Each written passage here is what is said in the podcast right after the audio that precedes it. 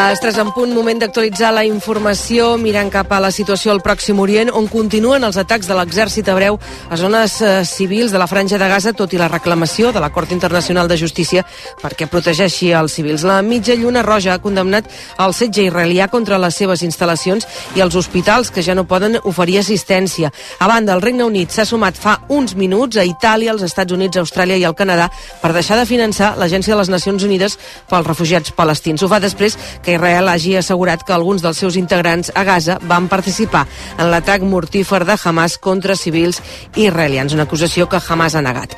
I Pere Aragonès assegura que l'espionatge del CNI al seu telèfon mòbil no farà trontollar la negociació amb l'Estat. El president de la Generalitat diu que, tot i les informacions dels últims dies, el govern manté la seva agenda de negociació per avançar cap a la resolució del conflicte polític. El govern espanyol tindrà l'oportunitat d'explicar de, el que consideri que, que ha d'explicar en aquest afer, no? Nosaltres no ens distraurem i malgrat que ens espin, malgrat que ens amenacin, nosaltres continuarem el nostre camí, que és defensar la independència de Catalunya i, per tant, nosaltres no deixarem d'aprofitar les oportunitats. Ja voldrien que a causa del seu espionatge nosaltres dimitíssim de les nostres responsabilitats. Doncs no ho farem. Aragonès, això sí, demana al PSOE que aclareixi si era conscient de l'espionatge i que col·labori amb la justícia desclassificant tota la informació. I a la Junquera ja queda plenament normalitzat el trànsit a l'AP7 després que avui els agricultors francesos han aixecat el bloqueig que mantenien des d'ahir al migdia.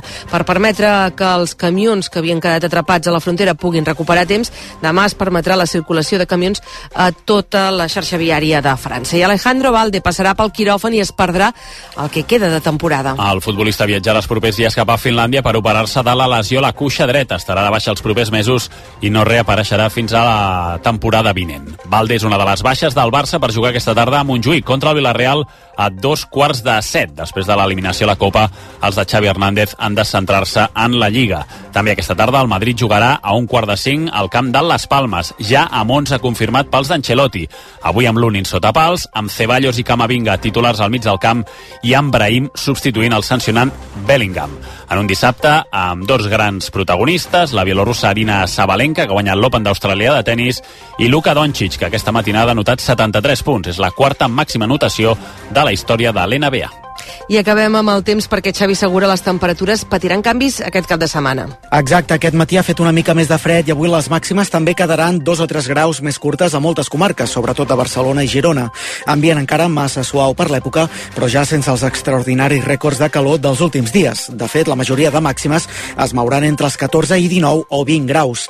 Tot plegat amb força sol en general i tan sols núvols prims inofensius i alguna boira costanera molt local. L'excepció tornarà a ser la zona de Ponent, on algunes boires encara poden persistir amb ambient ben fred. Demà baixaran més les temperatures a gran part del país. Les 3 i 3 tanquem el racó migdia que hem fet la redacció d'informatius i d'esports amb el Marc Selva al control tècnic. A partir d'ara continuarem pendents de l'actualitat, als avanços informatius. A les 4 el Superesports, en què viurem a les Palmes Madrid i el Barça Vilareal, i a les 11 el Tu diràs. Ho deixem aquí, ara us deixem amb el viatge bé. Bona tarda. RAC 1 Penseu que jo trigo a dutxar-me perquè jo ho faig per parts. Primer em trec la dentadura, la passo per la carxofa de la dutxa, després em trec l'ull de vidre, l'ensabono, tot Sí, amb molt vostè de es, es carinyo. va desmuntant per peces. eh? Sí, jo sóc l'MPP, eh? el Mr. Potato pensionista, eh? i sempre acabo traient-me doncs, la pròtesi de genoll i el maluc de titani. Ja. Eh? Quan em mori podreu donar el meu cos a la botiga de Lego de Passeig de Gràcia. Ho has vist, eh? Són les instruccions de muntatge, eh? Sí, sí, de Nino Gran, eh? Aquí, Eh, aquí sóc va la... Bueno, les, són les cares, sí. Són la, la, les cares... No. Avi, home, que estem parlant. Vols veure una cosa d'una sola peça? Va! De dilluns a divendres, de 12 a 1, La Competència, amb Òscar Andreu i Òscar Dalmau. RAC 1. Tots som 1. Teniu la maleta a punt, oi? Perquè ara mateix sortim de viatjar. A RAC 1, Viatge bé, amb Esther Muñoz.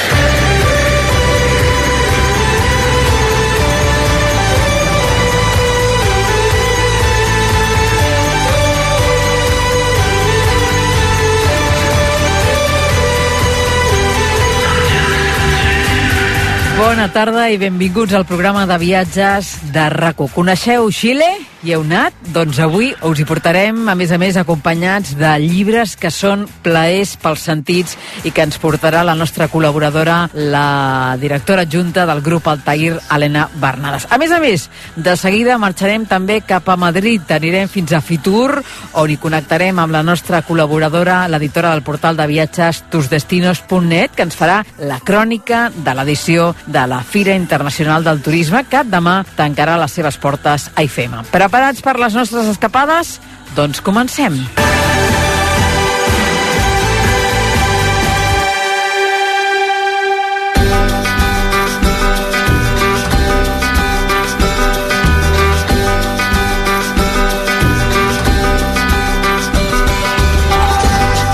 L'avió ens porta avui fins a Xile, directes des de Barcelona, viatgem fins a Pudahuel, la capital xilena. Aquest és, de fet, el viatge que va fer fa uns mesos la periodista especialitzada en viatges de lavanguardia.com, la Magda Vigas, a qui avui ens fa molta il·lusió rebre el viatge bé de rac Magda, bona tarda. Hola, bona tarda, Esther. Que bé que per fi hagis pogut pujar als estudis de la ràdio per viatjar amb nosaltres. Home, i tant.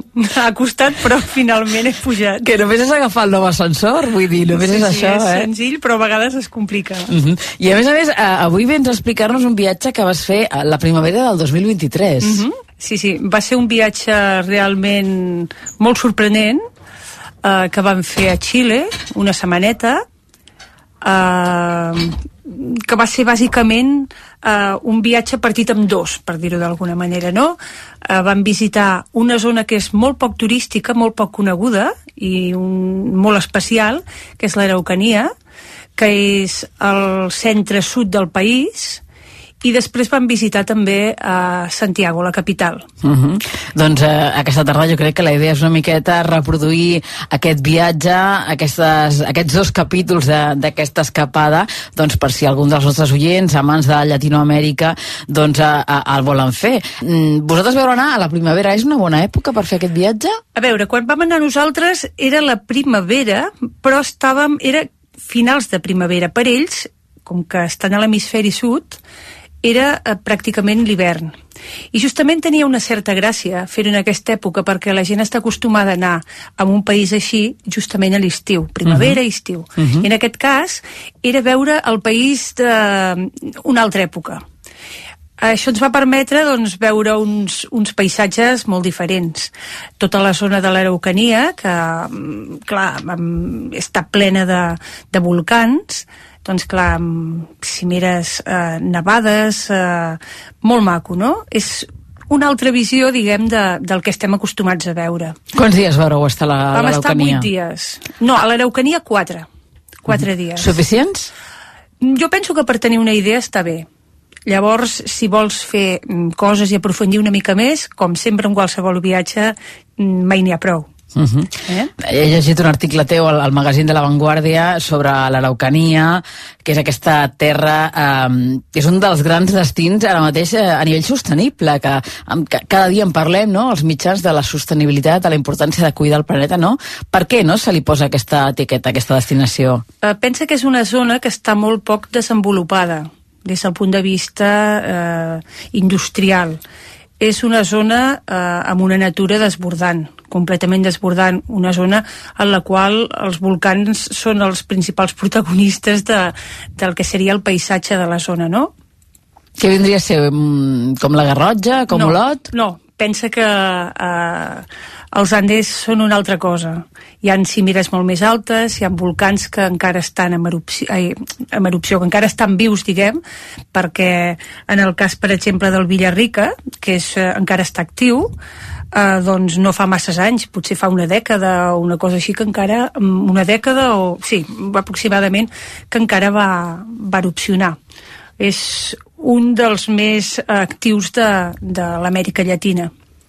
O sigui que, i encara veus com la boirina aquesta que fa, no? que fa la cimera dels volcans, els, diguem, els, els gasos que desprèn, no? I clar, tot això és molt espectacular. Uh, L'oportunitat que tenia sobre tot això de l'Araucania era perquè Xile és un país, és un país molt gran, molt, un país molt llarg, que aniria doncs, des de Perú fins a baix a, a, al sud, Mhm. just al sud. uh, de, de, de Amèrica del Sud. Uh, són com 4.000 i pico de quilòmetres, amb la qual cosa imagina't els canvis que hi ha a nivell climàtic, Clar. a nivell de paisatges, a nivell de natura, a nivell mm. de tot, que va des de doncs, des del desert fins a les zones doncs, uh, més fredes del planeta. Completament diferent d'una banda a l'altra. Efectivament, efectivament. Llavors, doncs, normalment, clar, es venen es ven pues, uh, uh, la capital, es ven Rapanui, per exemple, no? es venen moltes zones que, que, que ja ens sonen moltíssim. Però, en canvi, o per exemple, doncs, la Patagònia, el que passa és que això, jo la veritat és que quan m'ho van, van proposar, vaig pensar, ostres, això és com diferent, no? Això què és? I aquí estava una mica la gràcia. Clar, clar, no? clar, clar, clar. La, la novetat. La novetat. Llavors això, eh, el que és interessant de, del, del projecte que es porta a terme aquí a l'Euraucania és que estan intentant eh, donar a conèixer una forma de vida i una cultura ancestral al país. Tenen, de fet, eh, Magda, eh, una novetat, una iniciativa que són les rutes ancestrals araucàries, no? Ah, efectivament, efectivament. Uh, a veure, uh, l'Araucania és una terra en la qual habiten els, els maputxes. I els maputxes són són una, una civilització, són... Uh, ells ja hi eren quan va arribar Cristòfol Colom i companyia, no? Uh mhm. -huh. Amèrica. Uh, llavors ells uh, van ser reconeguts com a, com a, com a un, la seva cultura va ser reconeguda en el segle XVI, XVII, però uh, quan va arribar la independència de Xile, doncs va, van ser absolutament uh, despreciats. I arraconats. Arraconats ha costat molt fins a arribar, fins a arribar avui dia. Llavors, la iniciativa aquesta que m'estàs dient tu, que justament al darrere hi ha un, hi ha un català, eh, es va començar eh, fa potser una dècada o així, a darrere hi ha un que es diu Mar el Romà Martí, uh -huh. que és un català, que el que han intentat és que la gent conegui aquesta cultura, perquè ells estan molt estigmatitzats, i una part molt important del país justament és Mapuche però molta gent intenta amagar que és Mapuche. I en què consisteix, Magda, exactament? És eh, una convivència amb aquesta comunitat? És una comunitat eh, que viu de la natura, que respecta molt la natura, que encara conserva doncs, molts ritus de, de, de, ancestrals, i el que s'intenta és que la gent descobreixi com viuen, com vivien i com continua vivint part d'aquesta comunitat. Llavors el que vam fer va ser Uh, algunes famílies, en aquest moment em sembla que són unes 30 famílies, es sí. van adherir a aquesta iniciativa i el que fan és donar a conèixer com viuen i com és la seva cultura. Uh, tu descobreixes doncs, que ells tenen una forma de transmetre la, la cultura, per exemple, a través dels jocs, eh, descobreixes que ells doncs, encara utilitzen alguns ritus per fer segons què, no? per, amb, amb els seus déus, tot i que ara ja siguin catòlics, però encara conserven alguns costums d'aquests, d'aquest tipus. Eh, són molt tradicionals en quant a l'agricultura, Uh, sempre amb un respecte total i absolut a la natura. Llavors el que vam fer nosaltres va ser conèixer iniciatives d'aquestes, conèixer com vivia i com, eh, com vivia i com se sostenia eh, diferent, diferents parts de la comunitat, per uh -huh. entendre'ns, i vam conviure a la mateixa casa d'una família, no? que va ser una experiència realment mm, que ens va xocar una mica. Increïble, no? Nosaltres, no? Increïble, clar, perquè clar. nosaltres vivíem en unes comoditats que ells no tenen. Uh -huh. Vam dormir en una casa que no tenia les comoditats que tenim nosaltres, per exemple, i això és possible fer-ho ara. Uh -huh i, i crec que, que és una bona immersió a una cultura que és absolutament desconeguda. Desconeguda, desconeguda sí, sí. De sí. fet, eh, aquest turisme maputxe a la regió ha estat premiat, no?, sí. el 2021 com una de les millors experiències de turisme socialment responsable a nivell mundial Exacte. en el marc d'una fira de viatges que es fa sí, sí, és, és una de les, més importants, més importants no? a Berlín, la exacte, ITB. Exacte, exacte, exacte. Uh, van entendre que de manera que ara cada vegada es dona més importància el que seria el, aquest tipus de, de, de turisme sostenible, aquesta cura per donar a conèixer eh, la comunitat local eh, sense que hi hagi un, mal, un malbaratament ni dels recursos, ni tampoc eh, el fet de que, de que s'agafi una idea que realment no es correspon amb la realitat perquè el que es vol és eh, eh, um, fugir de la folclorització. Llavors, la idea aquesta de, de fer una immersió en aquest tipus de cultura desconeguda, això va ser molt valorat per la, per, a la Fira de, de Berlín. Uh -huh. Magda, mm, vas descobrir aquesta comunitat, però també vas veure moltes coses, vas trepitjar terreny, no?, del que vas veure, què és el que més et va cridar l'atenció? Perquè crec que fins i tot vareu fer un recorregut amb un guia oficial, no? Uh -huh. uh, aquí hi ha moltes possibilitats, eh? A l'hora Eucania hi hauria la, la part, diguéssim, mm, més eh, de turisme sostenible i també hi ha una altra part que no deixa de ser sostenible però ja té més a veure el que podríem trobar aquí que són tot el que serien eh, doncs, senderisme, esports d'aventura eh, etc. No? En, en, en quant al que, al que tu em comentaves ara doncs sí, vam conèixer com vivien, per exemple, o com cultivaven la terra, com, per exemple, feien determinats productes artesanals, uh -huh. uh, vam recórrer alguna propietat també, uh, i tot això doncs, uh, des d'una òptica una mica, una mica diferent, no? perquè et van explicant i flipes una mica realment. Uh -huh. Un dels pols uh, turístics de l'Araucania és el Melipeuco. I Barauna? En aquí va ser, aquí en tot cas és, eh, és la segona part per entendre'ns del viatge en aquesta part ja era una part una mica més lúdica, que és la part en la que nosaltres vam fer doncs, activitats com senderisme, vam pujar a veure volcans, perquè en aquesta zona és, el Milipeuco és la porta d'entrada del, del Parc Nacional del Conguillo i, i en aquí hi ha una sèrie de volcans eh, bestials, no? Es fa una ascensió, eh, pots fer una ascensió amb jeep, està molt locali o sigui, està molt controlat a l'accés.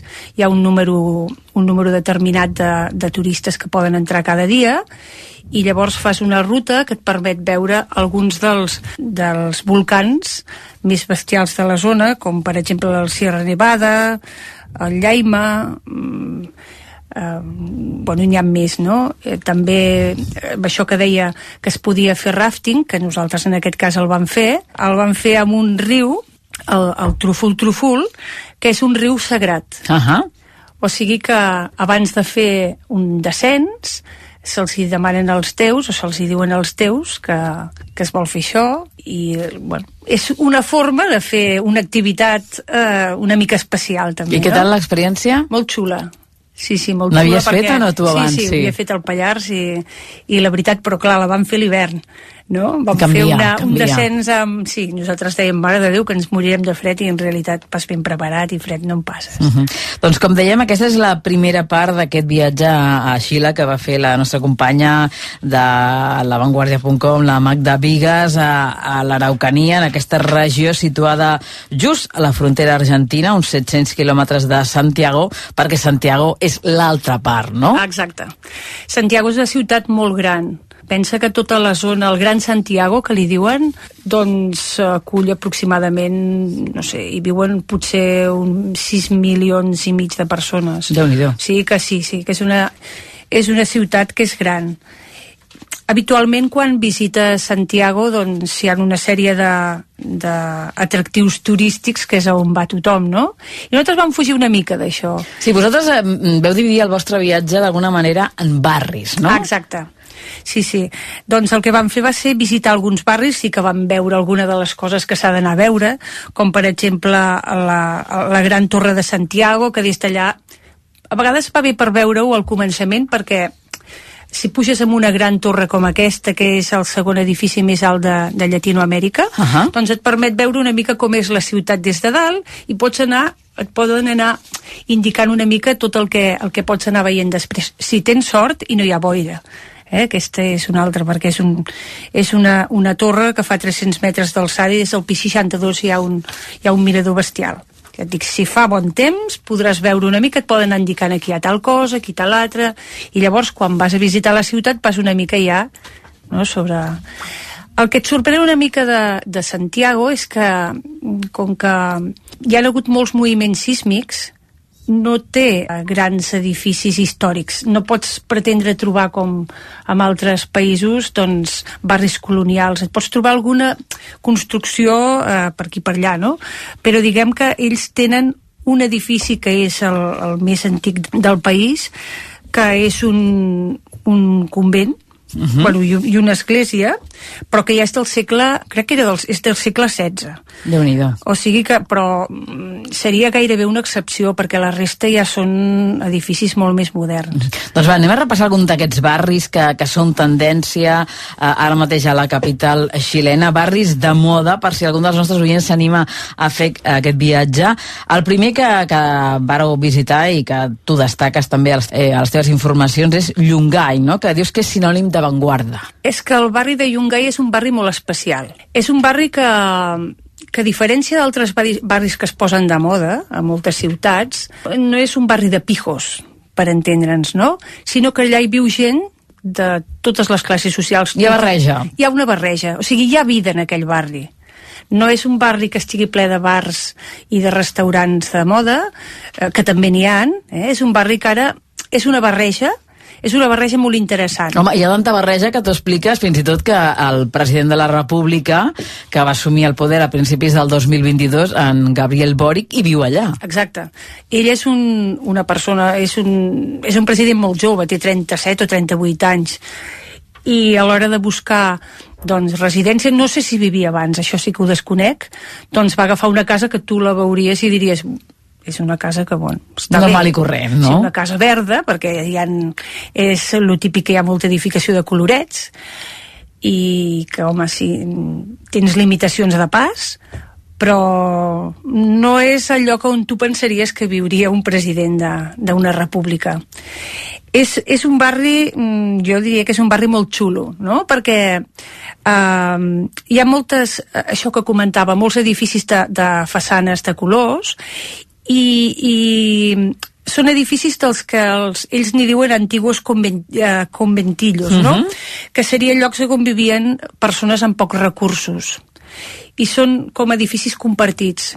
Quan es va crear, al segle XIX, hi havia molta, molts europeus que van venir a, a viure en aquest... En, però ha passat també com sol passar. doncs ha anat passant per diferents, per Mans. diferents etapes, no? Uh -huh. I ara, els últims anys, ha anat agafant molta, molta volada.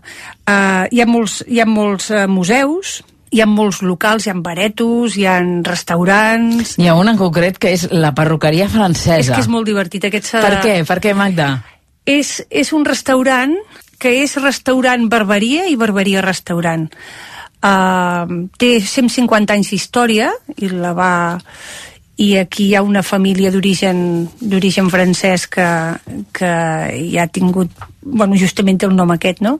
Que, que la va impulsar i el que han fet és que han convertit l'espai és com...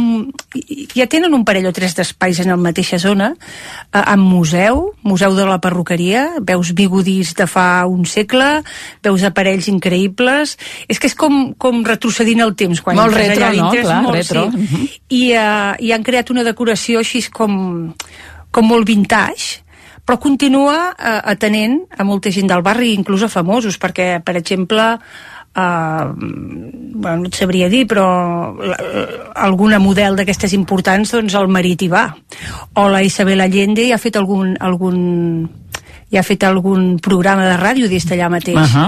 però continuen, o sigui, tu entres i continuen atenent a, atenent a gent i va gent del barri i famosos Ahà, i gent... ahà. La barreja, que una barreja. abans, no? i el restaurant a més a més és, realment és de qualitat, està Mhm. molt bé I després, eh, contrastant no, amb tot això que ens explicaves, en aquest mateix barri hi ha, per exemple, la joia de la corona, que és el Museu de la Memòria i dels Drets Humans. Aquí, eh, jo és una de les...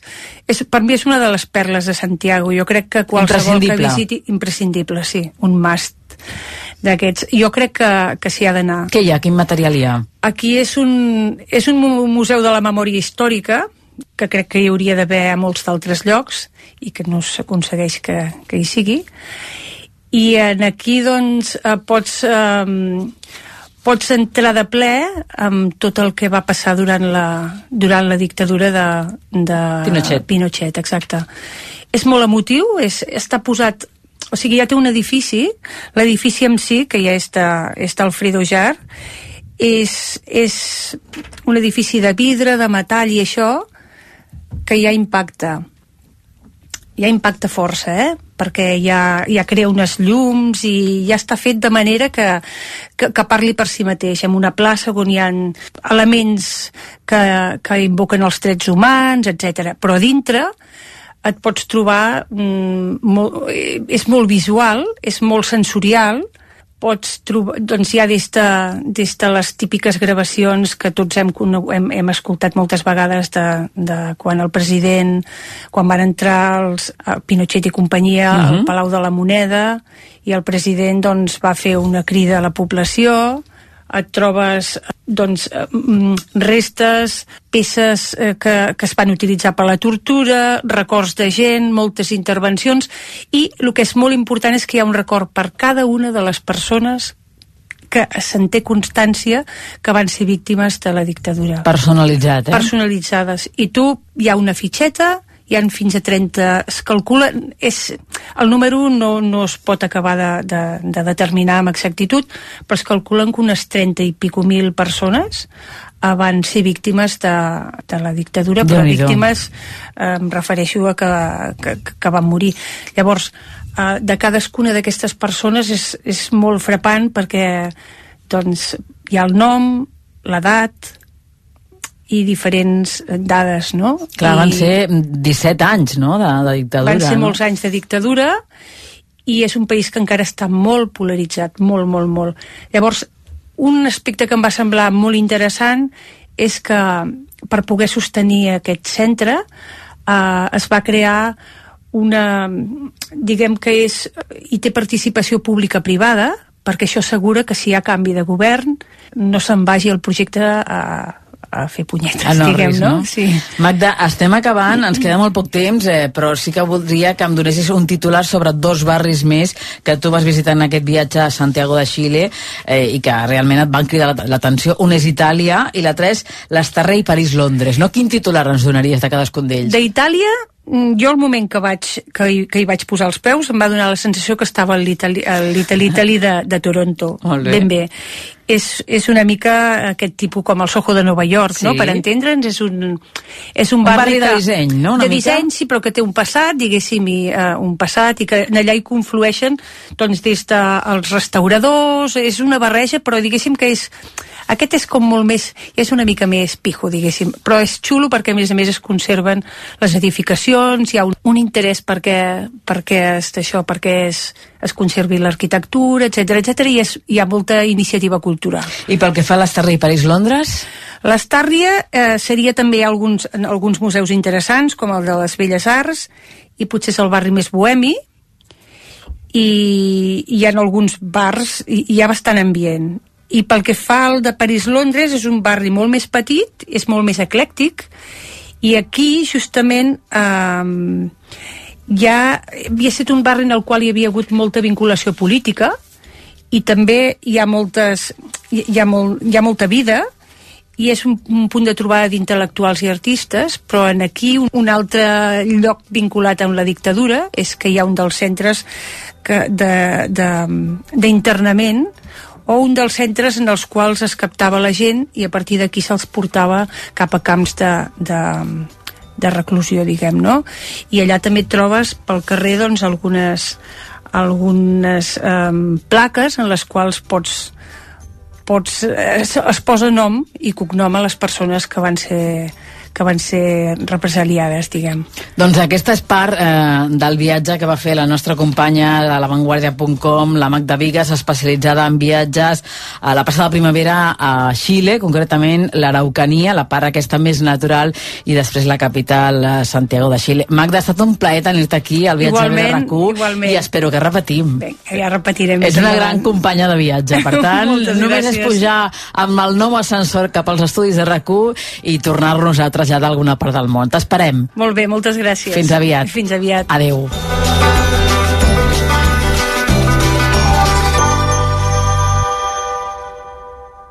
RAC 1. Atenció a la revelació clau sobre l'Operació Catalunya que us podem avançar a aquesta hora a RAC1 i La Vanguardia.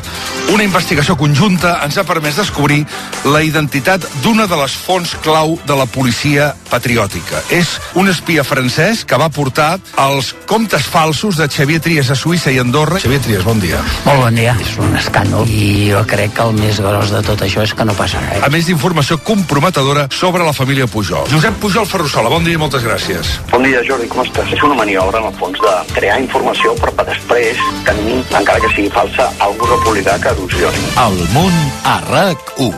Sempre hi som. RAC1. Tots som 1. Bon dia, gourmet, amb Gourmet La Vanguardia. Cafès Cavaller, English Tea Shop, llet almendrina i mini xapates espiga blanca amb ametlles, festucs i crema de cacauet de Panyo Naturae. Una selecció d'esmorzars saludables que podràs trobar per només 29 euros a gourmetlavanguardia.com. Patrocinat per Xocolata Jolong.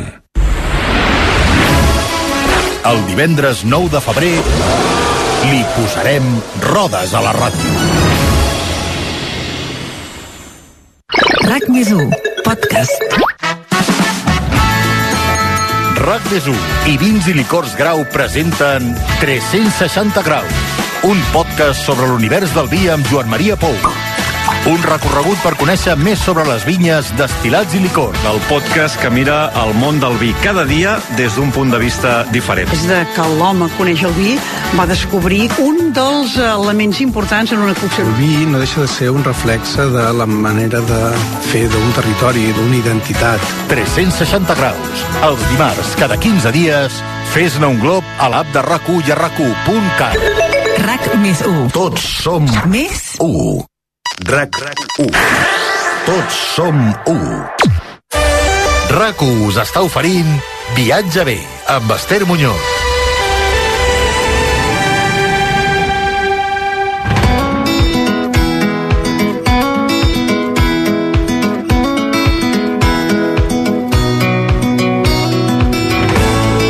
Seguim viatjant i ara mateix ho farem des de la llibreria Altair, des de la Gran Via 616 de Barcelona, la llibreria que cada cap de setmana doncs, ve aquí a l'estudi de rac a través de la seva directora adjunta, directora adjunta del grup Altair, l'Helena Bernades. Helena, bona tarda. Hola, bona tarda. Avui ens portes petits plaers. Petits plaers que no són la col·lecció de Viena que a mi tant m'agrada, però sí que són viatges intimistes o viatges al passat i en aquest cas portem l'últim llibre que publica Joaquim Nadal en la mateixa col·lecció que ja vam parlar l'altre cop, que era Mar d'estiu, i ara ens porta Confitura de vidre, que és un petit repàs dels moments de la joia de viure, de les seves petites, eh, els seus petits tresors de la vida, que conforma una glòria de retrobada amb ell mateix, on fa un recull a partir de els seus cinc sentits, on parla del gust, el tacte, el, el, la, la vista, tots aquests petits records que emmagatzem a la seva memòria i el titula Confitura de vidre, que al final ell ho diu en un dels retrats, no és confitura de vidre, és el codunyat o la confitura de codony que feia la seva àvia, que li deia confitura de vidre, i són aquests petits records que et fan reviure moments màgics. Mm -hmm. És un viatge a la història, a la vida d'en Joaquim Nadal, de l'historiador, de l'escriptor, del polític, eh, va ser conseller durant molts anys de la Generalitat de Catalunya, i a més a més en aquest llibre rememora una miqueta la seva adolescència a França. Sí, perquè ell va marxar a França diverses vegades i parla una mica d'aquestes anades i aquestes tornades. Hi ha un dels casos que parla, per exemple, d'una entrepà de truita a la francesa amb pa amb tomàquet allà a l'estació de Port Bou que el va fer tornar a casa. També parla en altres moments de mm, també parla del bull i parla de llocs molt més extravagants o molt més coneguts, però són aquestes petites coses que fan que la vida tingui sentit. La seva editora li va demanar, si plau, fes-me un recull d'aquelles coses que t'han fet gaudir, d'aquelles coses que tu recordes amb, amb, amb nostàlgia, d'aquella que et fa posar els ulls una mica vidriosos. I ell va dir, doncs t'ho faré li va costar molts anys, ha aconseguit acabar aquest llibre aquest passat estiu, l'han publicat, i ara podem entrar una mica en el, més, en el món més personal o el món més intimista d'aquest autor, a través d'un recull això que parla dels cinc sentits i de com l'han transportat a una vida plena de moments alts i baixos que al final valen la pena. Un llibre molt inspirador que repassa instants de bellesa sublim com les albades, les postes, les llunes plenes, els grumolls de núvols apilonats en torres inacabables, els cels de ponent rogents, explica ell, no? I, i també el contacte amb l'aigua del mar, per exemple. Aquests petits plaers que a vegades no n'ets conscient, que quan tot, tot és possible no te n'adones de les virtuts i de la gràcia de poder-ho fer, però que després quan per un motiu o per un altre, ara per desgràcia amb el Covid que ens ha passat, que hem estat tant temps tancats a casa, després quan tornes a sortir al carrer i respires aire, que dius, ostres, això sí que val la pena. Doncs això és un recull de molts d'aquests petits instants en moltíssimes categories diferents que ell recopila. Descobrim aquí la vessant observadora de, de paisatges i de realitats que envolten en Joaquim Nadal. Aquesta és la primera proposta d'avui, eh? Confitura de vidre de l'editorial Univers, un llibre escrit per en Joaquim Nadal. I la segona, Helena? La segona ja és molt més grandiloquent. La segona ja ens parla també d'un passat, però un passat de Maria Antonieta. Per fi s'ha publicat la bibliografia de Maria Antonieta en català. Fins ara la teníem a l'abast de l'editorial Acantilado i Steven Zweig és qui se'n fa càrrec. Tot el que toca Steven Zweig ha sigut passat allà a nivell cultura, a nivell un bàsic de la literatura, un clàssic, ell historiador, periodista, intel·lectual del segle XX, rodejat de les persones que més han influït a nivell cultural a Europa, ens retracta una Maria Antonieta molt més intimista, que ja no només fa un repàs dels esdeveniments més importants de la seva bi bibliografia que van passar des del casament amb el rei Dufí, de, una mica tots sabem que va acabar la guillotina, però també de els transcursos previs i posteriors a l'inici de la Revolució Francesa.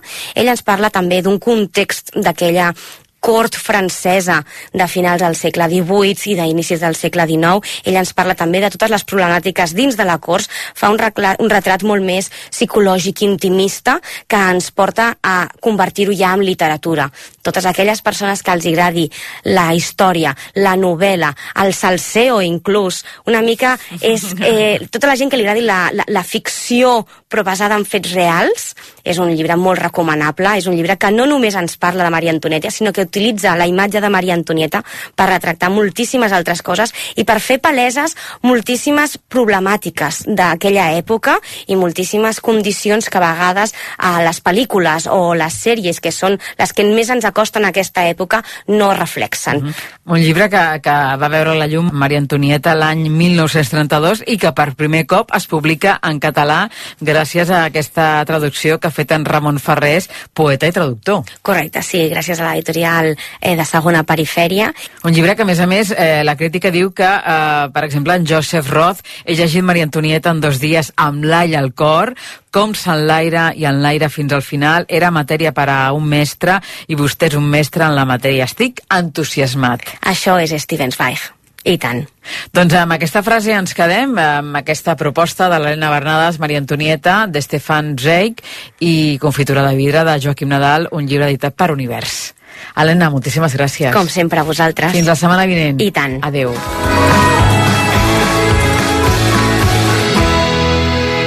A rac Viatge bé. Viviu l'experiència del viatge amb Esther Muñoz.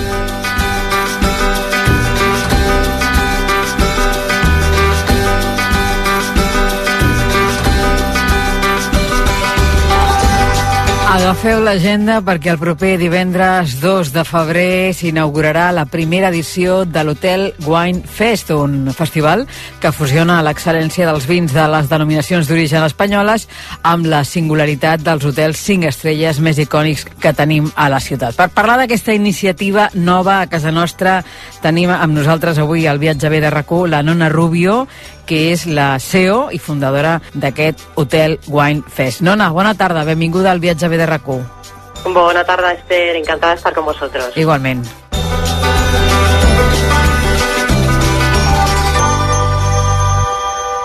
Bé, el primer que vull és que m'expliquis exactament quins són els orígens d'aquest certamen, no? Com ha nascut i per què? Pues mira, eh, los orígenes podemos decir que, que, están en otro festival que hacemos, que es, eh, es muy parecido. En este caso, el hilo conductor no es el vino, como ocurre en Hotel Wine Fest, sino la tapa, que es Hotel Tapatur. Nosotros ya llevamos nueve años con un proyecto que lo que lo que pretende es descubrir los espacios gastronómicos de los hoteles, aquellos hoteles bueno que tienen una cocina destacada en los que más miedo nos da entrar Y nuestra, nuestro empeño desde hace nueve años es que la gente conozca y empiece a frecuentar los espacios gastronómicos de los hoteles. Entonces podríamos decir que a través de ahí eh, se nos ocurrió la idea de hacer otro festival, en este caso eh, cuyo hilo conductor es el vino, y ligado a, la feria que tenemos de Feria Nacional de Vino, que es Barcelona Wine Week, con los que colaboramos en este festival que, que, bueno, que su primera edición és en febrero, com tu bien dices. M'ha agradat molt això que dius, eh? I és veritat perquè aquí al programa ho hem comentat en diverses ocasions, no? Hi ha com certa por, com cert respecte en entrar en un hotel de cinc estrelles, a qualsevol dels hotels no? que tenim arreu del món. I vosaltres el que voleu d'alguna manera, el vostre objectiu és això, no? Que, que perdem aquesta por. Exactamente. Eh, nuestro objetivo es romper el hielo, ¿no? Romper el hielo de alguna manera, pues con algo asequible, porque aunque hablamos de lujo, hablamos de excelencia, eh, son eventos, son festivales que son muy populares porque los precios son asequibles para todo el mundo. Entonces, la manera de romper el hielo, pues, mm, en este caso, ¿qué es? Eh, tomarte un vino en un hotel de estos, acompañado, por supuesto, de una tapa, un menú de degustación, precios súper asequibles y sobre todo tener la excusa, ¿no? De decir, me atrevo a entrar en el hotel porque vengo a un festival y sé que no me van a decir, oiga usted a dónde va, que no se lo dicen a nadie. Pero todavía tenemos en el, en el eh, subconsciente eh, pues esto, que nos van a preguntar si estamos alojados, que a dónde vamos, o que nos van a cobrar, bueno, lo que, lo que no está escrito, ¿no? Totalment Però, bueno, d'acord. Totalment en d'acord. ningún caso. Són en ona sis dies eh, en els quals doncs, les denominacions d'origen eh, participants es convertiran en part eh, integral d'aquesta trama urbana, establint doncs, les seves arrels en nou joies d'hoteleria barcelonina. No? Quins són aquests establiments? No? Eh, quins Pues són sí. eh, aquests hotels que ens obriran les seves portes? Pues son, eh, como tú dices, nueve joyas, porque son los hoteles cinco estrellas más emblemáticos, podríamos decir. Quizás falta alguno, pero bueno, son eh, nueve hoteles de los más emblemáticos que podemos encontrar en Barcelona y son el Palace, Cotton House, Almanac. Además están distribuidos por rutas que se pueden hacer a pie. Estos tres que te he nombrado sería la ruta de Ocava. Luego tenemos Majestic, Monument y el Hotel Claris, que sería la ruta de Openedes. Ajá. Y por último tenemos tres hoteles que forman la ruta de vino región de Murcia, que eh, agrupa a tres denominaciones de origen, Jumilla, Yecla y Bullas, que son el Hotel Neri, el Hotel Whitmore y el Hotel Kimpton Vividora. O sea que nueve joyas mm, para descubrirlas a través además de, de maravillosos vinos nacionales. Uh -huh. I com funciona, no? Quina mena de degustacions eh, farem en cadascuna de- d'aquestes rutes, no? Com va, quins horaris teniu, eh, com es poden adquirir les entrades, eh, es poden adquirir per una de les rutes, eh, eh, s'han de treure les entrades per totes les rutes, com va? Pues mira, eh, esto funciona de la manera siguiente. En cada hotel vas a encontrar cinco referencias diferentes de vinos o de cavas. Entonces, eh, estas cinco referencias van a estar maridadas con una tapa o platillo. Es decir, en cada uno de los nueve hoteles tú vas a encontrar una tapa diferente, o sea, nueve, nueve tapas, pero que tú podrás degustar en cada hotel con eh, es a escoger una de las cinco referencias de vino. Para disfrutar de esta experiencia no es necesario reservar. El precio medio de esta, de esta tapa con, con maridada con una copa de vino de cava está en torno a los 8 euros, por lo que es eh, mm, popular, no, lo siguiente, porque ya solo un vino en, en un establecimiento de este tipo te puede costar, bueno, pues eh, más que, más que este, más que este, este maridaje, ¿no? sí, Igual sí. te puede costar 9 euros, no lo sé, de qué, depende del vino también, ¿no? Pero sí. eh, podemos decir que son vinos excelentes, tapas excelentes, porque además están concursando. Esto por un lado, no necesitas reserva, tú acudes al hotel, dices quiero degustar la tapa y escoges tu referencia, la que más te guste de las cinco que tiene cada hotel. Y luego por otro lado tenemos menú degustación en todos los hoteles, es decir, nueve menús degustación, cada uno acompañado de esas cinco referencias de vinos o cavas que tiene cada hotel.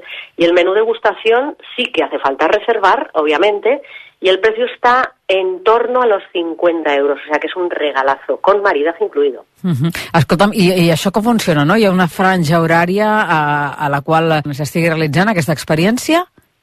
Exacto. Eh, cada hotel eh, establece su propio horario para la degustación de la tapa, por ejemplo. Entonces, todos los horarios están publicados en la página web. O sea, si tú puedes- dices, mira, quiero ir a este hotel o a este hotel, o me quiero hacer la ruta mi aire o quiero hacer la ruta de un ADEO, miras los horarios, que son los, eh, normalmente son los típicos horarios eh, en horario de tapeo, tanto de, de mediodía como de noche. Algunos tienen horario interrum- ininterrumpido, pero bueno, tienes que consultar el horario en la web tan fácil como eso. Entonces, dentro de ese horario tú acudes y puedes degustar la tapa y luego para la reserva del menú, pues tú ya mm, pides la hora que te interese, o de comida o de cena.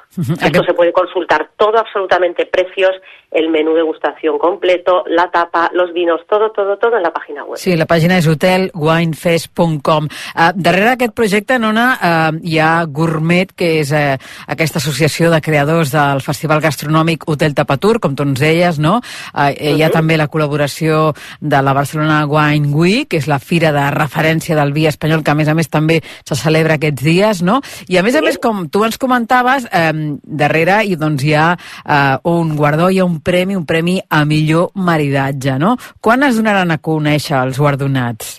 Exactamente. Eh, los hoteles participantes, como te decía, van a estar compitiendo por el premio a mejor maridaje y el premio lo vamos a, a entregar y lo vamos a anunciar en la última jornada de, de Barcelona Wine Week, el día 7 de febrero, porque la feria se celebra del 5 al 7, entonces el 7 de febrero a las 3 de la tarde vamos a entregar el premio en, en la feria en directo. Uh -huh. Ara mateix, eh, Nona, hi ha moltíssima cultura del vi a casa nostra, no? L'enoturisme és una Sí. experiència turística que està en creixement.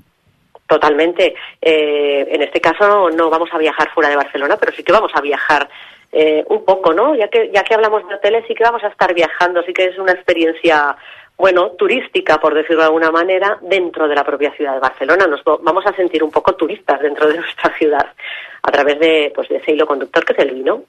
I a més a més, eh, pel que he vist, eh, l'Hotel Wine Fest eh, forma part d'un programa oficial eh, més ampli, no?, que és el BWW Likes the City, no? Quina mena de programa és aquest?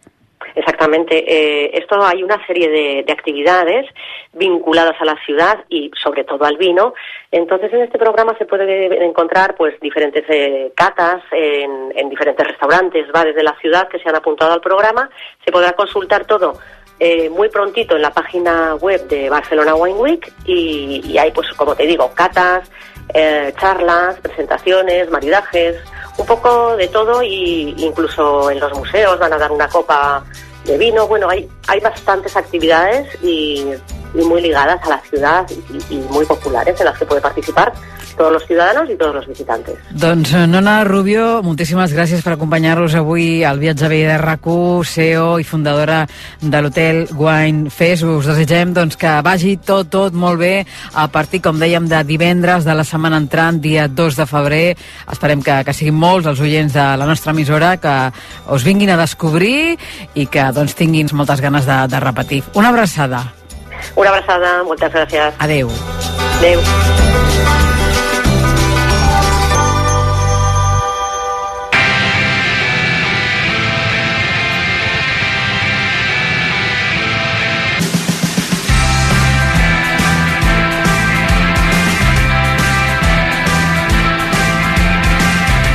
I abans d'acabar el programa i amb aquesta sintonia el que farem ara mateix serà marxar cap a Madrid on hi tenim a la nostra enviada especial, la nostra col·laboradora, l'editora del portal tusdestinos.net, Maria Jesús Tomé, a la fira Fitur. Maria Jesús, bona tarda. Bona tarda, Esther. 44 edició de Fitur i en el teu currículum quina és aquesta? Doncs uh, és el 20è cop que vaig a Fitur, Esther. Jo he de dir que sóc part del mobiliari ja d'aquesta fira. Estàs eh, celebrant el 20è aniversari, estàs de celebració també sí, tu, eh? Correcte, sí, és una celebració rodona. La veritat és que està sent un èxit aquesta edició, és un no parar de gent pels pavellons d'IFEMA. Jo ara mateix sóc a l'estand de Gran Canària perquè he vingut a informar-me de les properes dates del Carnestoltes, que és la primera quinzena del febrer, i que vull anar doncs, amb, el, amb el Panito i amb el Juan doncs, a, a veure, per gaudir Ah, sí? del Carnestoltes. Ja queda molt poquet. Queda molt poquet de, pel Carnestoltes i a més les Canàries ho celebren superbé. I com que ja conec el de Tenerife, doncs enguany eh, em vull encantar pel de Gran Canària. Doncs em sembla una opció fantàstica, ja ho saps, eh? que aquí som fans de les illes, de les Illes Canàries. Escolta'm, 152 països diferents participen enguany a la 44a edició de Fitur. Equador és el país soci, unes 9.000 empreses eh, la van inaugurar els Reis eh, d'Espanya, eh, concretament eh, dimecres passat, i eh, demà tancarà portes. Eh, quines són les novetats una miqueta pel que tu has vist? Eh, alguna cosa que t'hagi cridat primer de tot especialment l'atenció? Alguna curiositat? Sí, mira, per mi la curiositat més gran de la fira, en la meva opinió, l'ha portat la cadena hotelera Vinci Hoteles, que ha creat un hotel al seu propi estant. És una iniciativa que no s'hi havia dut a terme abans. O sigui, dimecres, dijous i ahir, tres parelles s'hi han quedat a dormir. Que bo. O sigui, quedar-te a dormir dins, dins de la fira. A, a més, que és un hotel, o sigui, té el seu propi lobby per treballar, per prendre un cafè, espai per a reunions, una zona de restauració, un bar, servei de massatges, la gent que s'ha quedat a dormir els han fet un massatge, han sopat amb un bon menú i després, quan ha tancat eh, la fira, els han fet un tour per IFEMA. O sigui que ha estat una, una experiència molt, molt divertida. A més, a l'estant és molt maco, és un hotel. A uh. -huh. més, eh, és igual que l'hotel eh, Vinci Capitol, que està a la Gran Via de Madrid. Sí. I ha estat una iniciativa molt curiosa. Jo crec que la més curiosa que he vist en tota la fira. Amb moltes habitacions o què? No, només amb una suite, eh? Amb una Eh, suite. Només s'ha pogut quedar una parella cada nit i llavors sí, una suite amb vistes de la fira. A veure, les vistes no és que siguin allà, però l'experiència és única, de, de quedar-te a dormir a Fitur. Escolta'm. Eh, de no haver d'anar a, a l'hotel, a descansar a un hotel al centre de Madrid, no. Estàs allà, doncs eh, mira, i et quedes i ja estàs allà. Fantàstic. I parlen demà. Escolta'm, eh, Xus, eh, d'aquests 150 països diferents que hi participen en aquesta edició de Fitur, pels quals han passat 250.000 assistents, dels quals eh, 150.000 eh, sou professionals i 100.000 públic, que és eh, el que més t'ha cridat l'atenció pel que fa això, a destinacions? Mira, uh, vàries. Una de les que més m'agrada, perquè és una destinació que sempre està un pas més enllà, un pas, un pas endavant de, de totes, és Costa Rica.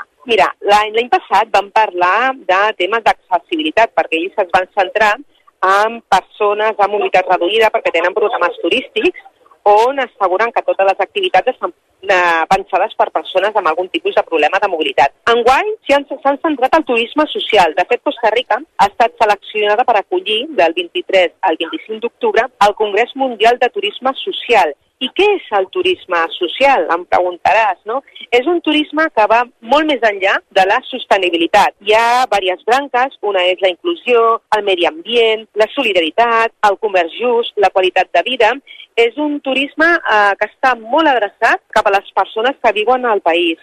I la veritat és que això m'ha agradat moltíssim. Ja dic que Costa Rica sempre a Fitur porta coses eh, bones, novetats i porta un tipus de turisme que a mi m'encanta. El Japó també ha arribat a Fitur, després d'haver tancat, a més a més, un any fantàstic, el Un any 2023. rodó, un any rodó. A més, tingues en compte que es celebra l'Exposició Universal d'Osaka l'any 2025 i, a més, eh, s'han incrementat els vols també cap a Osaka, que és la segona ciutat del país. Les entrades per l'Exposició Universal, que també hi serà l'estat espanyol, estarà present, ja estan disponibles a la web oficial. O sigui que estem parlant d'una gran novetat. I també Tòquio ha vingut a Fitur amb una novetat, que és que el Museu d'Art Digital Timbla Borderless es trasllada a un gran gratacel que es va inaugurar l'any passat, que és un edifici que es pot traduir com una ciutat en si mateixa, que és un oasi urbà plena de vegetació, que plega oficines, comerços, hotels i molt més. Mm. També ens volies parlar d'Amèrica del Sud. Per què? Per què, Xus?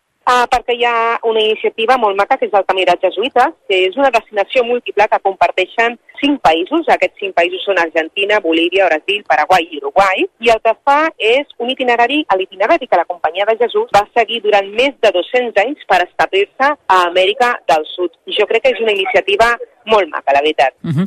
eh, després, veig a la llista també que ens subratlla San Marino. San Marino. Tu saps que San Marino és la república més petita i antiga del món, és el tercer estat independent més petit d'Europa, després del Vaticà i Mònaco, està dins d'Itàlia i és una destinació molt maca perquè, a més, eh, no està massificada, està al cim d'una muntanya, s'hi accedeix per una carretera per arribar en aquest petit estat i la veritat és que té moltes coses a descobrir. Té un centre històric amb el Borgo Maggiore i la muntanya Tità, que estan considerats patrimoni de la humanitat, i després visites molt maques, com són el Palau Públic, les Tres Torres de Guaita, entre d'altres coses. Malta. Malta també està en aquesta llista que ha fet la Xus Tomé pel viatge bé, en aquesta crònica que ens està fent en directe des de Fitur, des de la 44a edició. Què destaquem de Malta?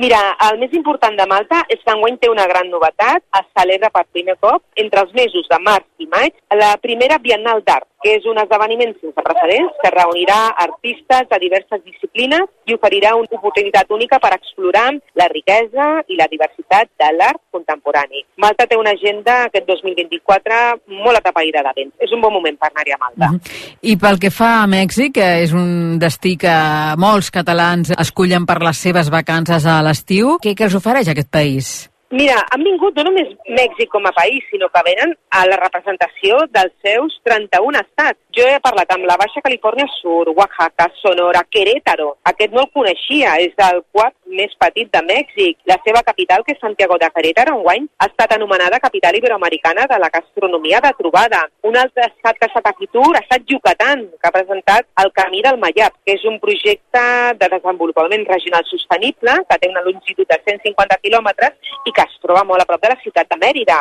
Mèxic és una passada. Mèxic sempre té una proposta futur molt interessant. Uh -huh. I pel que fa a Sardenya? Mira, ja fa unes dècades Esther que Itàlia va trobar una opció original per a oferir allotjament en zones rurals que respectessin patrimoni local i oferir una experiència immersiva al visitant. Es tractava de l'anomenat Albert Difús, que és un hotel d'estructura horitzontal i que reconverteix edificacions en desús a causa de l'abandonament dels pobles petits amb propostes d'allotjament. Sardenya va ser la primera regió italiana a reconèixer aquest tipus d'Albert Difús. A més, a Fitur ara han presentat una altra versió, que és l'hotel nàutic Difús, que en lloc d'allotjar-te a terra, t'allotges en un vaixell. O sigui que és una oferta molt, molt atractiva aquesta de l'hotel nàutic Difús. Per la gent que li agrada la navegació, oi? Correcte, i a més és que també seguint compromís amb la sostenibilitat, aquestes embarcacions es poden desplaçar fins a un radi de 3 milles nàutiques, sempre en hores diurnes, clients poden allotjar-se un mínim de 24 hores i un màxim de 4 setmanes. Fantàstic. Parlant de navegar, eh, Baleària també ha presentat a Fitur dos nous vaixells. Sí, són dos nous vaixells ecoeficients que arriben a l'estiu el Margarita Sala, que és el seu segon fast ferry a motors duals de gas natural, i l'altre eh, és el Cruise Ferry Rosadir, que ja ha consolidat al llarg del seu primer trimestre d'activitat en les connexions amb Melilla com un servei de transport marítim sostenible, modern i competitiu per als residents i a la resta de clients. I a més, també ha donat a conèixer la seva expansió internacional al Carib, amb la presentació del projecte d'obertura d'una nova ruta entre República Dominicana i Puerto Rico, prevista per a finals del 2024. Mm -hmm. També m'agradaria que em parlessis eh, del sector aeronàutic i en concret de la companyia Vueling, que a més a més enguany està d'aniversari perquè eh, compleix els mateixos anys que fas tu a Fitur, 20 anys. És el que estava pensant jo mateix. Vueling fa 20 anys eh, en 2024 i a Fitura ha fet un repàs de les principals fites de la seva història, el seu paper clau en la connectivitat a Europa, així com la seva trajectòria en innovació, i ha presentat la seva estratègia de sostenibilitat amb especial focus en les iniciatives vinculades amb l'experiència operacional. Un exemple és el projecte Cel Únic Europeu, impulsat en col·laboració amb Enaire, amb el qual l'aerolínia persegueix la reducció d'un 10% de les emissions de CO2 a través de l'optimització de rutes, fent que siguin més rectes. Fantàstic, doncs eh, continuarem celebrant aquest 2024 eh, l'aniversari de la companyia Vueling. Eh, tu també, Xus, el, el teu pas per Fitur, quines sensacions tens? Realment hi ha eufòria, com va succeir l'any passat? Sí, hi ha moltíssimes ganes de viatjar, hi ha molta gent doncs, que volen fer promoció, que volen doncs, portar turistes a les seves destinacions, jo crec que serà molt bon any pel turista. Uh -huh. Amb tota la gent que he parlat, m'he entrevistat amb moltíssima gent al llarg d'aquests dies de fira, i tothom tenim aquesta sensació que 2024 serà un gran any pel turisme. La, la perspectiva és positiva en aquest sentit, cosa que nosaltres celebrem moltíssim i eh, t'agraïm moltíssim aquesta connexió, aquest resum, aquesta crònica des d'IFEMA, des de la Fira Fitur, des d'aquesta edició 2024. Estic convençuda que tots aquests titulars que ens has donat avui doncs, els podrem anar explicant durant tot aquest any aquí al Viatge B de rac I escolta'm, ara ja a començar a preparar la maleta per tornar demà. Tornes demà diumenge, no? Torno demà diumenge, sí, torno demà diumenge. Uh, soc uh, la setmana que ve a casa i després ja me'n vaig cap a Gran Canària, o sigui que uh, poquet estaré a casa. Doncs escolta'm, bona feina, ara a descansar el que puguis i escolta'm, tot això que has treballat aquests dies, doncs contingut també pel programa d'alguna manera. Clar, home, moltes coses que estic aquí fent, doncs explicaré al llarg d'aquest any totes les experiències que vivirem en família, sí. Moltíssimes gràcies, Xus, una abraçada molt, molt gran i bon viatge de tornada, que vagi molt bé. Gràcies, adeu. Adeu.